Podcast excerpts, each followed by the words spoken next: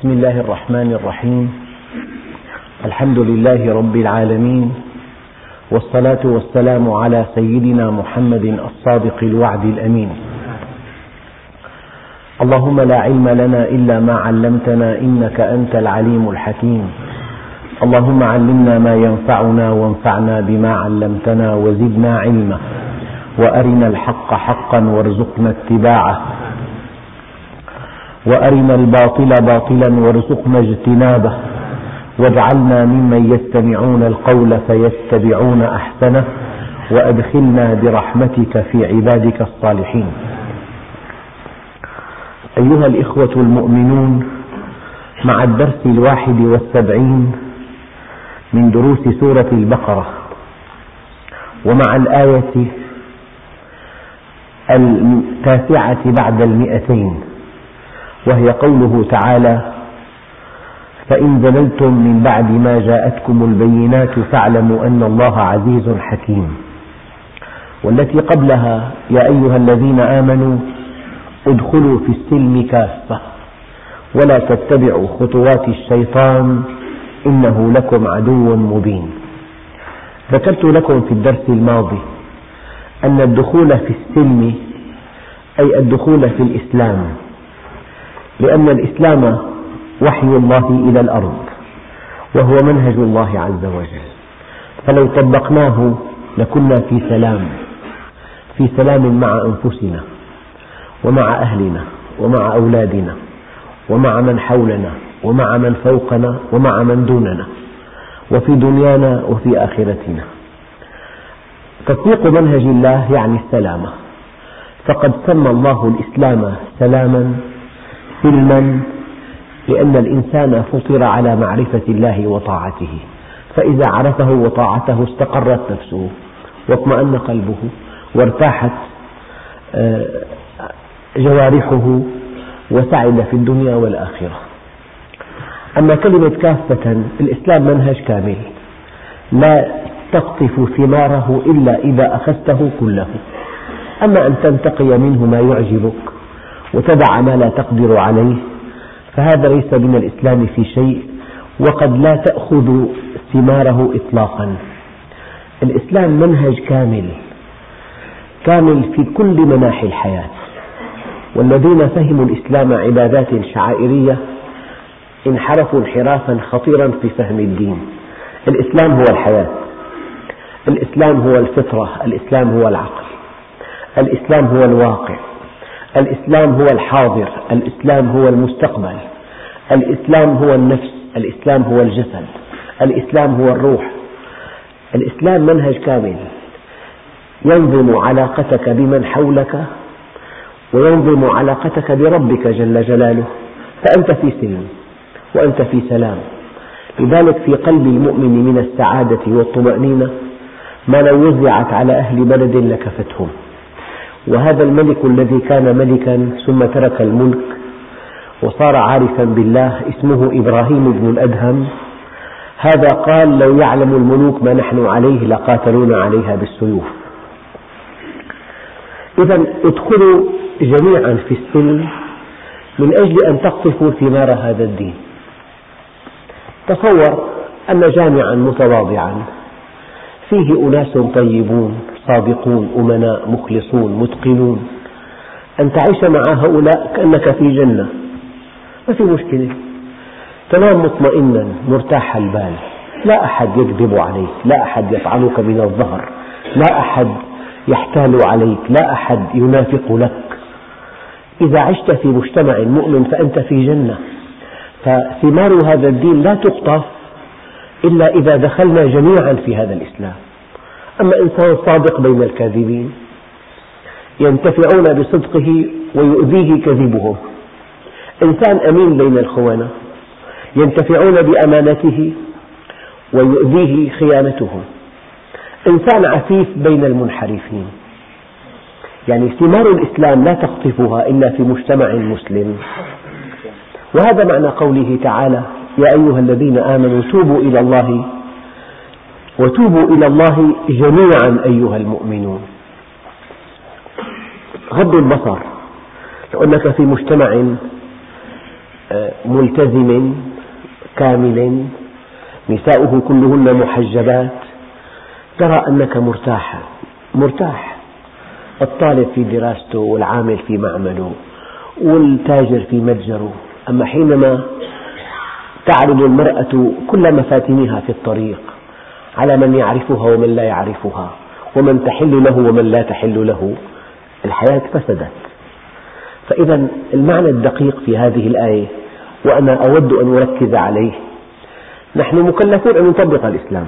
شئنا أم أبينا هذا تكليف الله عز وجل. ولكن لا نستطيع أن نقطف ثماره اليانعة إلا إذا طبقناه جميعا.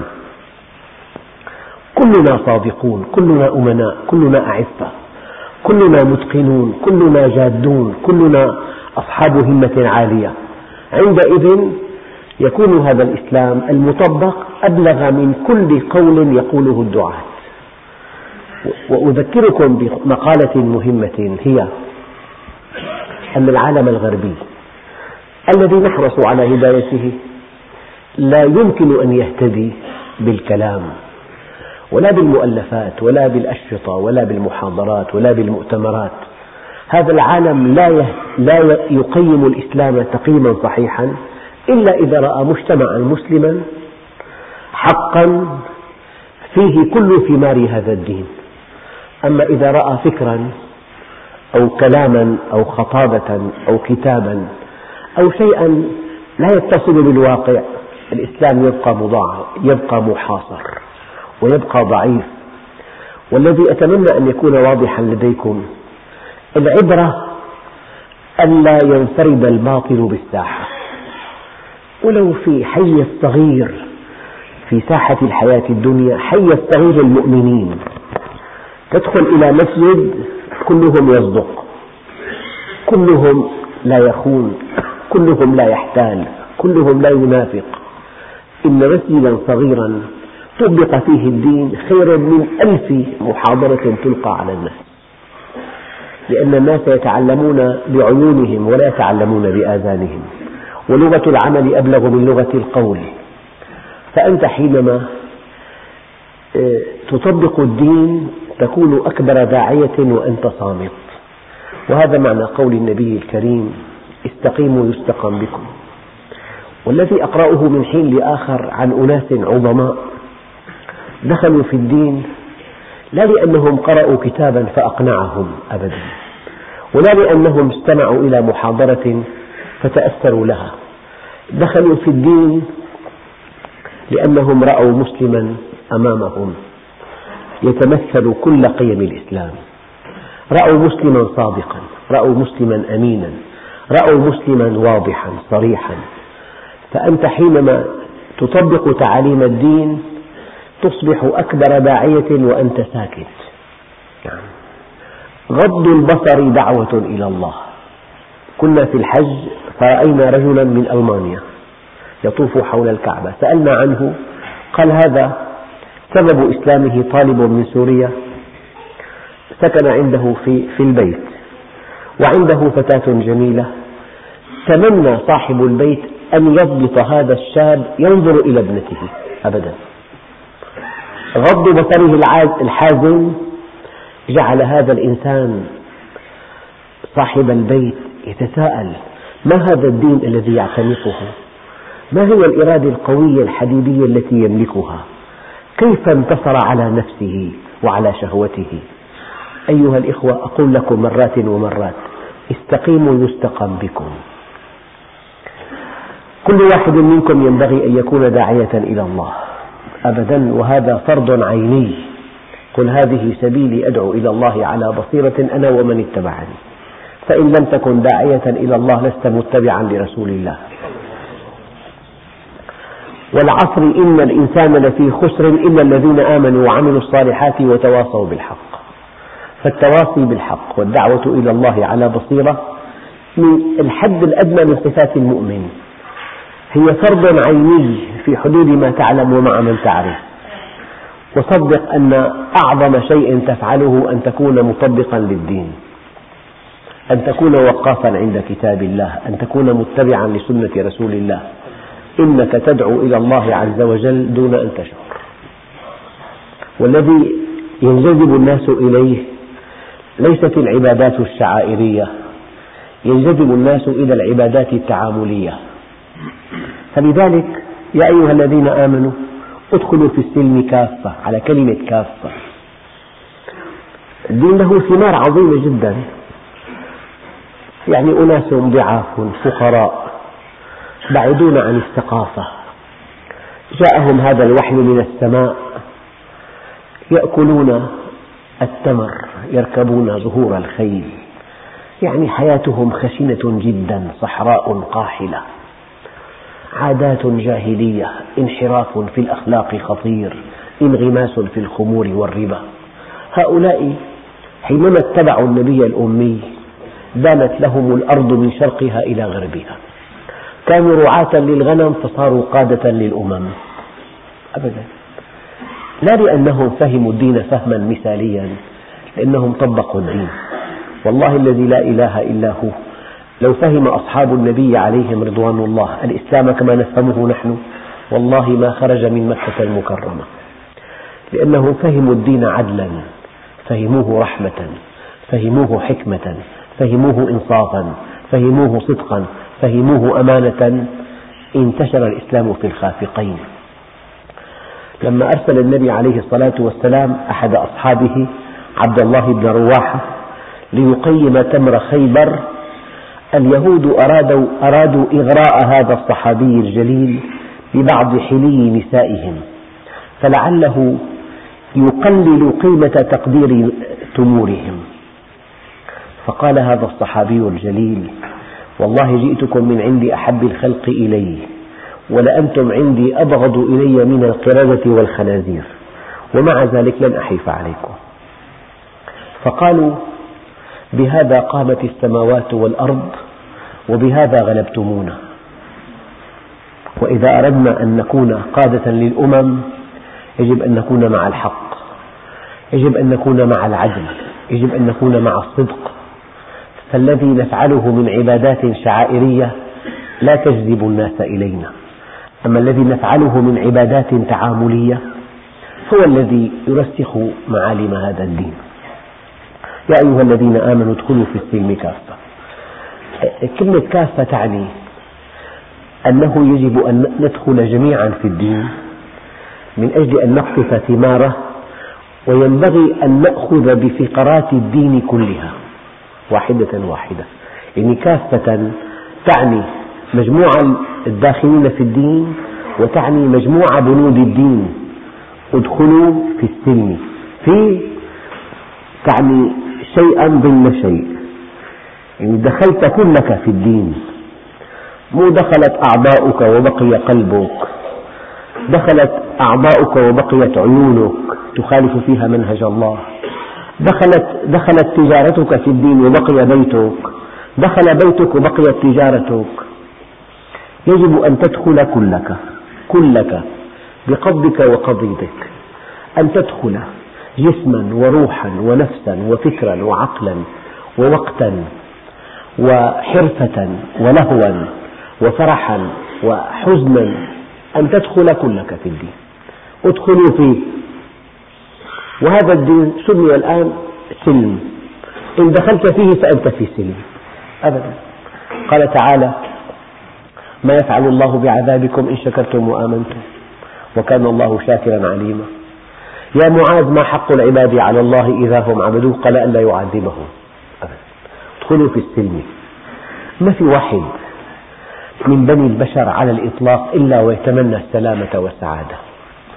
والسلامة والسعادة لا تكون إلا في تطبيق تعاليم هذا الدين. إلا في تطبيق تعليمات الصانع.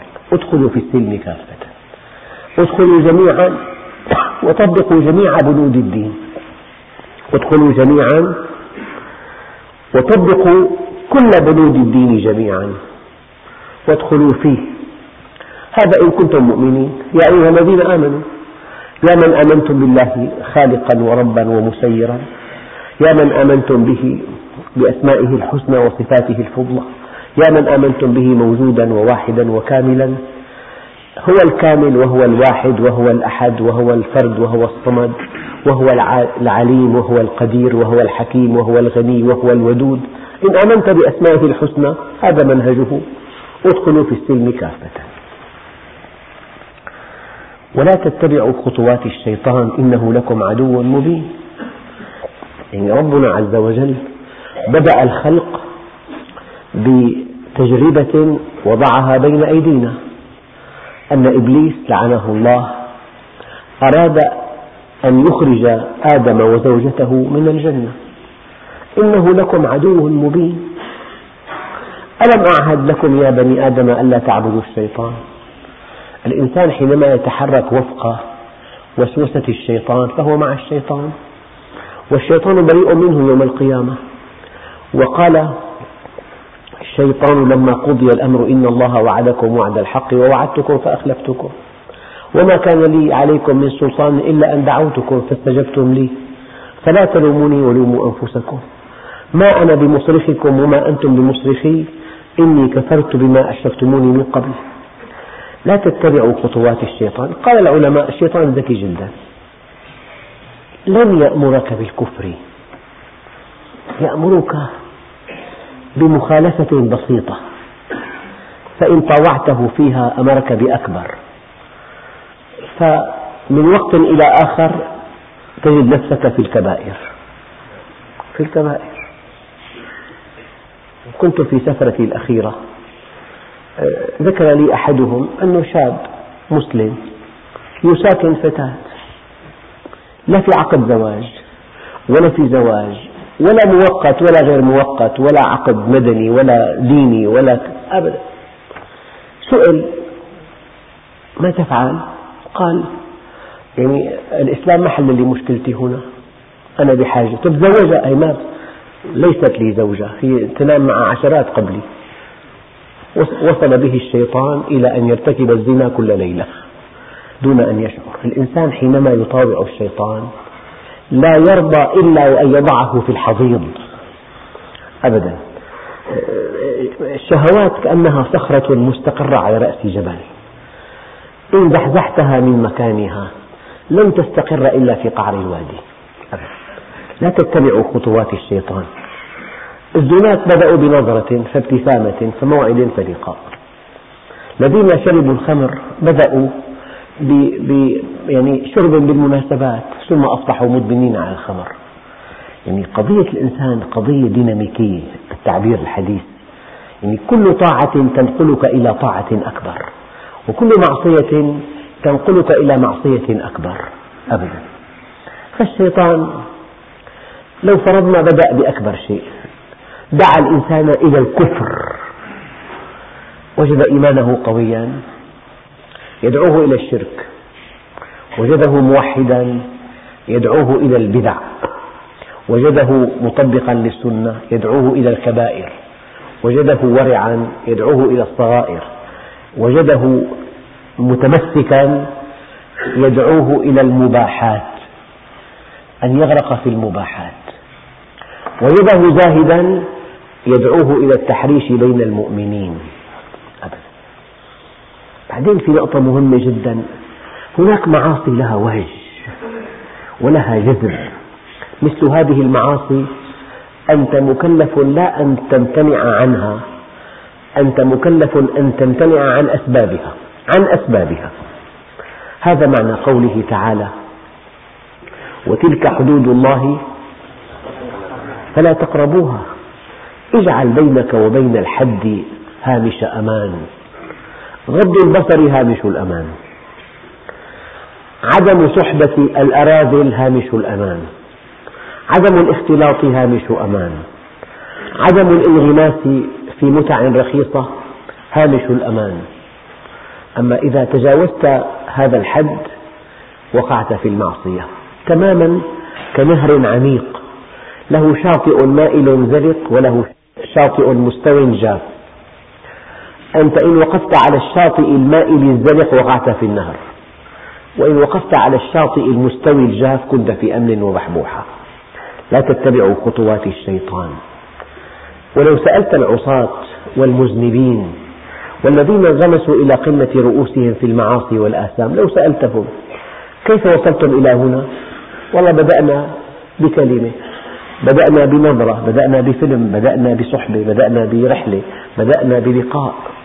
وانتهى اللقاء إلى الزنا وانتهى اللقاء إلى شرب الخمر وانتهى اللقاء إلى أكل المال الحرام.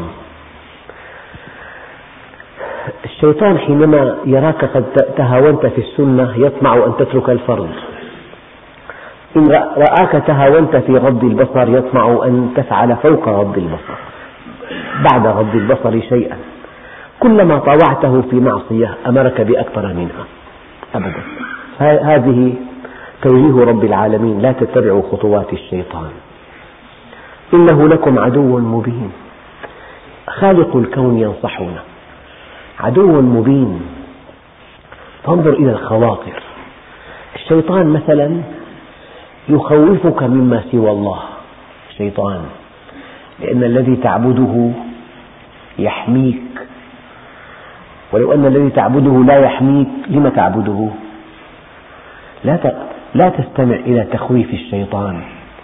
الشيطان يعدك الفقر لكن خالق الكون يعدك بمضاعفة الأجر. يمحق الله الربا ويربي الصدقات. أنفق بلال ولا تخش من ذي العرش إقلالا. عبدي أنفق أنفق عليك. الشيطان يعدك بالفقر. يزين لك المعصية. يزهد يزهدك في الحلال. كم من إنسان منحرف. يكره زوجته ويحب امرأة بالحرام. هذا من فعل الشيطان. الشيء الحلال المباح يكرهه زاهد فيه والتي دون مستوى زوجته بكثير يطرب لها ولكلامها ولحركتها. شيطان. يزين له المعصية ويزهده في الطاعة. في كسب المال في العلاقة بالنساء في كل شيء. احذر الشيطان. كلما رأيت إنسانا مثلا مدمرا قل هذا من عمل الشيطان. إنسان غارق في المعاصي والآثام. إنسان دمر حياته الزوجية إنسان أدمن القمار أدمن الشرب أدمن الميسر أدمن كسب الحرام. قل هذا من عمل الشيطان. إنه لكم عدو مضل مبين.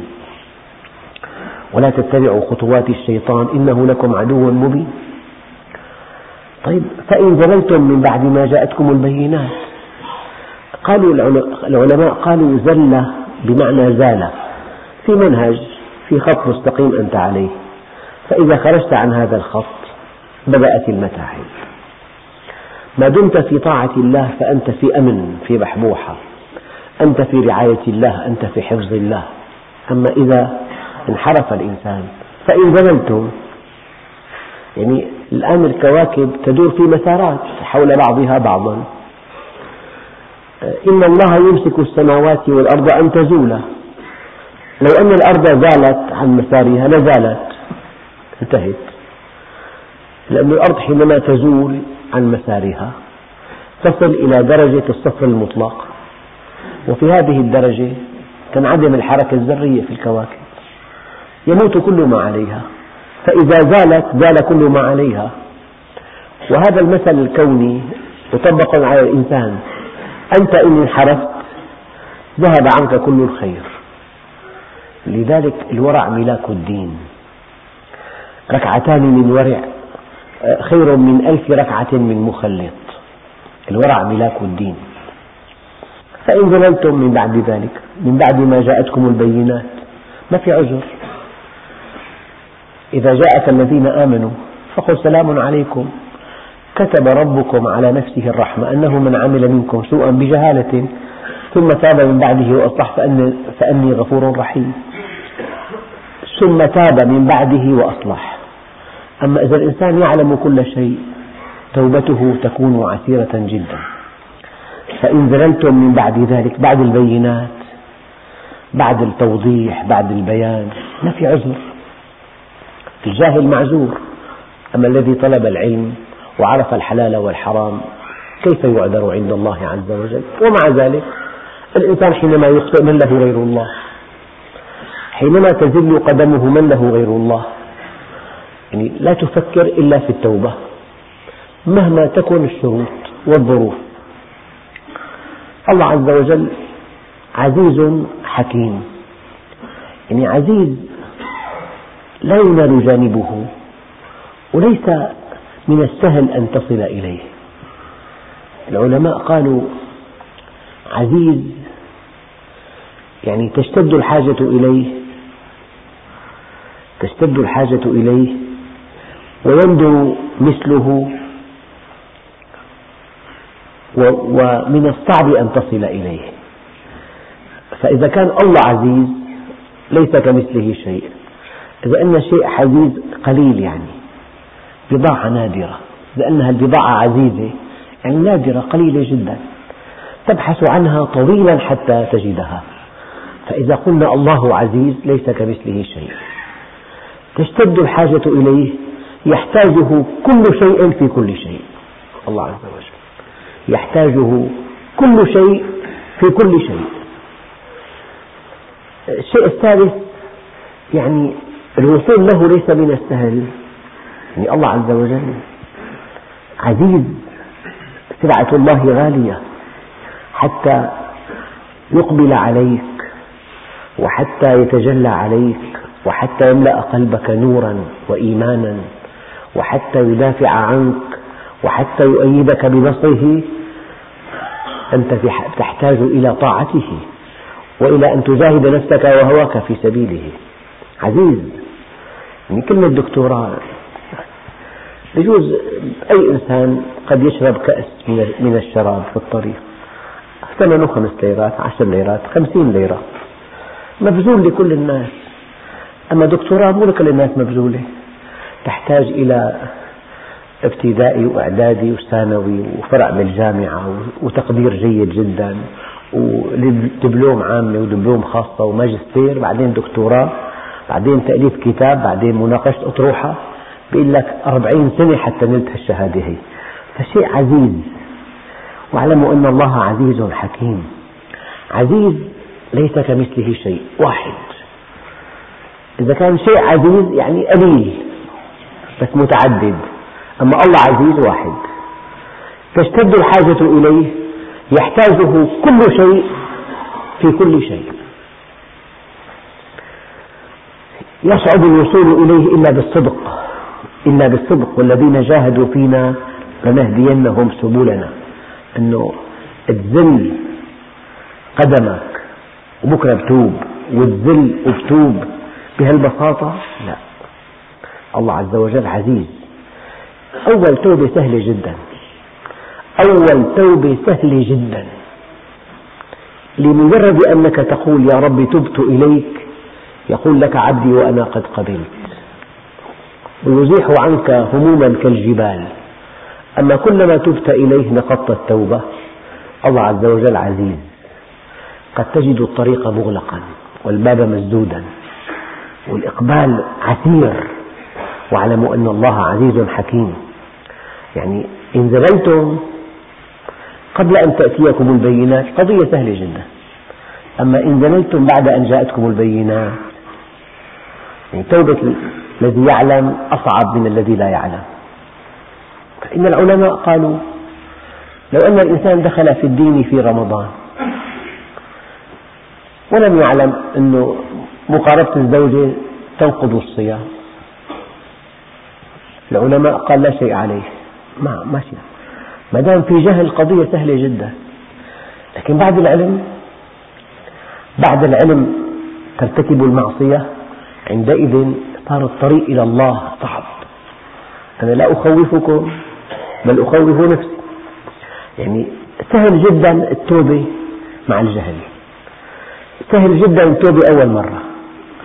أما العائد إلى ذنبه كالمستهزئ بربه باستمرار عندئذ الله عزيز. قد لا تجد الطريق إليه سالكا. قد تجد عقبات وعقبات. أي معنى كلمة فإن زللتم من بعد ما جاءتكم البينات. فاعلموا أن الله عزيز حكيم. فالإنسان إذا تعامل مع الله ينبغي أن يعامله بإخلاص ينبغي أن يعامله بصدق ينبغي أن يعامله بافتقار ينبغي أن يعامله بوفاء. قال تعالى وما وجدنا لأكثرهم من عهد. وإن وجدنا أكثرهم لفاسقين. أنت حينما تعاهد الله عز وجل شيء رائع أن تكون في هذا العهد أن تكون عند حدود هذا العهد. أما حينما تعاهد وتنقض تعاهد وتنقض واعلموا أن الله عزيز حكيم. قد لا يسمح لك أن تقبل عليه. قد يصرفك عن أهل الحق. يعني هلا إنسان بيجي وبيغيب وبيجي وبيغيب. ولأتفه سبب يؤثره على درس العلم. يعني إنسان زاره خلاص ترك الدرس. جالس مع زوجته خليك هلا ترك الدرس. بيجي وقت ما فيجي على الدرس. الله طرده بكم. واعلموا أن الله عزيز حكيم. إجاك ضيف تعال أنت وياه.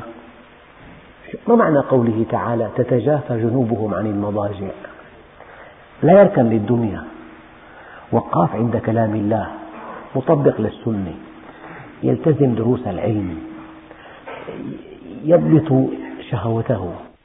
التركيز على أنك بعد المعرفة لو زلت قدمك فالمشكلة كبيرة.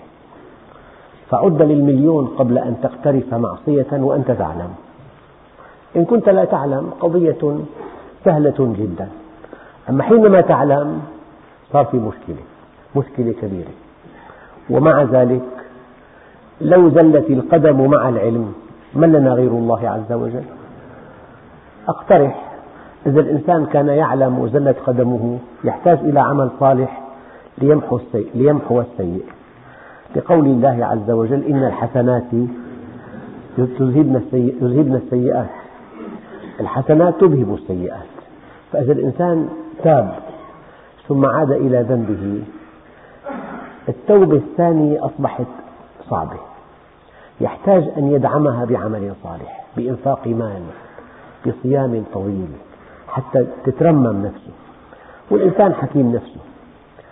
أجمل حالة يعيشها المؤمن أن يكون مع الله وأن تكون العلاقة بالله عامرة. يقول الله عز وجل هل ينظرون إلا أن يأتيهم الله في ظلل من الغمام والملائكة وقضي الأمر وإلى الله ترجع الأمور. يعني الله عز وجل يريدون أن يروا آيات صارخة بأم أعينهم مع أن الكون كله آيات دالة على الله عز وجل. فهذا الذي لا يهتدي إلى الله بوضع الكون الراهن وما فيه من آيات عظيمة دالة على وجوده وكماله ووحدانيته لن يستفيد بخلق قوانين الكون. والإنسان حينما يطلب معجزة وتأتيه المعجزة ولا ينتفع بها قضي الأمر. أهلكه الله عز وجل. لأنه آخر شيء. ذكرت اليوم في الخطبة أن الإنسان يمر في الهداية بأربع مراحل. أول مرحلة الدعوة البيانية عن طريق الأنبياء والمرسلين والدعاة الصادقين أنت أمام كلام لطيف كلام عميق كلام واضح معه أدلة. هالكلام بين لك سر وجودك وغاية وجودك. فالإنسان إذا لم يستجب يا أيها الذين آمنوا استجيبوا لله وللرسول إذا دعاكم لما يحييكم. إذا ما استجاب دخل في مرحلة ثانية دخل في التأديب التربوي. قال تعالى ولنذيقنهم من العذاب الأدنى دون العذاب الأكبر لعلهم يرجعون. فإن لم يرجع دخل في تربية ثالثة. دخل في الإكرام الاستدراجي. يعني دعاك فلم تستجب. شدد عليك فلم تتب أكرمك فلم تشكر ماذا بقي؟ هذا الإنسان الذي لم يستفد لا بالدعوة البيانية ولا بالتأديب التربوي ولا بالإكرام الاستدراجي يحسم أمره فيقسم ظهره. قسم. أبدا. القرآن واضح. وكل إنسان يسأل نفسه أين أنا من هذه المراحل؟ إن كنت في الدعوة البيانية أنت رائع. الدعوة البيانية سهلة. كلام بكلام. استجيب لك. شيء مقنع استجيب. كلام الله واضح وضوح الشمس. طبق. سنة النبي واضحة وضوح الشمس. طبق. ما صار في استجابة ضيق الله عليك. الآن توب تب من هذا الذنب. ما تبت الله بدل لك مكان السيئة حسنة. اشكر لا يستجيب بدعوة بيانية ولا يتوب لتأديب تربوي ولا يستحي من الله لإكرام استدراجي. بقي القسم. هذا معنى قوله تعالى فلما نسوا ما ذكروا به فتحنا عليهم أبواب كل شيء. حتى إذا فرحوا بما أوتوا أخذناهم بغتة فإذا هم مبلسون. فالله عز وجل ما تنتظره أن تكون معجزات الكون كله معجزة. وإذا جاءت هذه المعجزات كما جاءت لعاد وثمود ولقوم صالح ولقوم موسى جاءت المعجزات كما أرادوا ولم يؤمنوا فقصمهم الله عز وجل. عندئذ قضي الأمر وإلى الله ترجع الأمور. أيها الإخوة يقول الله عز وجل سل بني إسرائيل كم آتيناهم من آية بينة. ومن يبدل نعمة الله من بعد ما جاءته فإن الله شديد العقاب. يعني الآيات من رحمة الله بنا. هناك آيات كونية وآيات قرآنية وآيات تكوينية. هذه الآيات سبب معرفة الله عز وجل. ومعرفته سبب السعادة في الدنيا والآخرة. فإذا الإنسان لم يعبأ بهذه الآيات ولم يفكر بها ولم يأخذ بها فقد شقي في الدنيا والآخرة. ومن يبدل نعمة الله من بعد ما جاءته يعني كانت نعمة كي يعرف الله بها فيطيعه فيسعد في الدنيا والآخرة. فلم يعبأ بها جعلها معطلة فشقي في الدنيا والآخرة. الآن أي نعمة؟ أعطاك نعمة البصر. فإن لم تستخدم هذه النعمة فيما أراد الله عز وجل فقد كفرتها. أعطاك نعمة العقل فإن لم تعمل العقل فيما أراد الله عز وجل كفرت بنعمة العقل. أعطاك نعمة السمع فإن لم تصغ إلى الحق كفرت بهذه النعمة. أعطاك نعمة الصحة فإن لم تستغلها في طاعة الله كفرت بهذه النعمة. أعطاك نعمة الفراغ فإن لم تملأ الفراغ بما يرضي الله عز وجل كفرت بهذه النعمة. أعطاك نعمة الأمن. فإن لم تستخدم هذه النعمة في طاعات الله عز وجل كفرت بهذه النعمة. هذا معنى تبديل النعمة أي أن تستخدمها لغير ما أراد الله عز وجل. أعطاك طلاقة اللسان. هذه النعمة إن لم تستخدمها في ذكر الله فقد كفرت هذه النعمة. يعني ممكن إنسان يشتري جهاز معقد جدا كمبيوتر صناعي حقه 30 مليون يستخدمه طاولة يكون كفر, كفر به. مثل هذا الجهاز لا يستخدم طاولة. بحل محل الطاولة طاولة بألفين ليرة. أما 35 مليون طاولة أنت كفرت بهذه النعمة. إنسان يستخدم يعني أداة منزلية للتنظيف من الذهب الخالص. كفرت بنعمة الذهب الخالص. فكل شيء كل نعمة من نعم الله عز وجل. إن لم تستخدمه وفق ما أراد الله فقد كفرت به. بل كفرت بالمنعم الذي أنعم الله عليك بهذه النعمة. سل بني إسرائيل؟ يا الله عز وجل هدانا بالكون فلم نعبأ بالكون. هدانا بالقرآن فلم نعبأ فلم نتدبر آياته. هدانا بأفعاله فلم ننظر بها. أردناها أرضية. لذلك هذا من, من الكفر بالنعمة. آه، يعني مثلا النبي الكريم قال أصبح مؤمن بي وكافر ينقل عن ربه هذا الحديث. ذكرته في الخطبة. فحينما أصابتهم المطر قال من قال أمطرنا بفضل الله ورحمته فقد آمن فهو مؤمن. ومن قال أمطرنا بنوء كذا ونوء كذا فهو كافر. يعني إذا نسي رحمة الله عز وجل وعد المطر قضية أرضية بقوانين عادية تتحرك من دون مشيئة الله عز وجل هذا الذي يعزو هذه الأمطار التي أكرمنا الله بها إلى أشياء أرضية لا صلة لها بالخالق فقد كفر. نعم. هذا معنى تبديل النعمة. أعطاك نعم يجب أن تتحرك من خلالها وفق منهج الله عز وجل. ويجب أن تشكر الله عليها. فإن استخدمت العقل لمحق الباطل فقد كفرت بالله وكفرت بنعمة العقل. أعطاك طلاقة لسان.